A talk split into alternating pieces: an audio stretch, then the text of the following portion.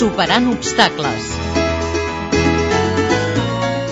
L'empresa Sonríeteme Recicla SL treballa creant productes vendibles i que donin imatge d'una empresa o una administració, obtinguts dels residus que generen les empreses. De la mateixa manera que tenen una cura i un criteri de respecte medioambiental, també el tenen amb els sectors socials més oblidats pels empresaris. Quan demanem a la seva directora general, Pilar Sánchez, la definició de discapacitat, ens respon de manera sintètica. És que amb discapacitat és tenir menys facilitat per fer les coses, però no vol dir no fer-les, sinó fer-les d'una altra manera. Els recursos, potser no en tenim tants de recursos, però en tenim uns altres. O els recursos més habituals de, de les persones no són els que ells tenen, tenen uns altres, que crec que ens superen arduament.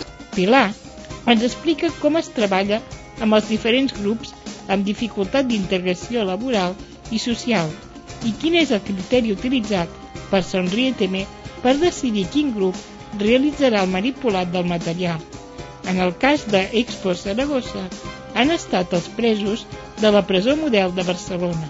Sonridim el que intenta sempre és que l'acció que es produeix es produeixi en l'entorn on ells volen... O sigui, per exemple, si em toquen de Madrid, me'n vaig a Madrid a fer-ho, però amb persones amb, amb discapacitat, que no m'agrada la paraula, però bueno, nens disminuïts, nens maltractats i presos, per exemple. Però nosaltres estem treballant amb presos per què? Perquè la producció d'Expo Saragossa és molt gran, té un pic de producció i requereix moltes mans i rapidesa. Si jo ho feia en un, en un entorn de disminuïts, es pressionaves massa. Però no només treballem amb ells, vam treballar amb nens disminuïts, amb dones maltractades, bueno, qualsevol col·lectiu no integrat. Aquesta empresa, amb uns criteris trencadors pels plantejaments simples i amb valors diferents cara a les persones i als materials, té una manera de plantejar les accions de producció, presentació o creació des de moltes perspectives per adaptar-se a la situació que cal en cada moment. Sánchez explica què és com afrontar el dia a dia a una persona amb discapacitat. Jo sempre en dic autogestió, fer-ho tot molt més simple, més directe, més senzill, més humà, menys civilitzat.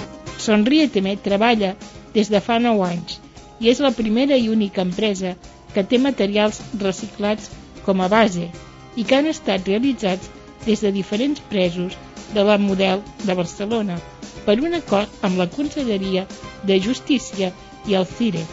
La seva web és www.sonrieteme.net. Montse Pous, periodista.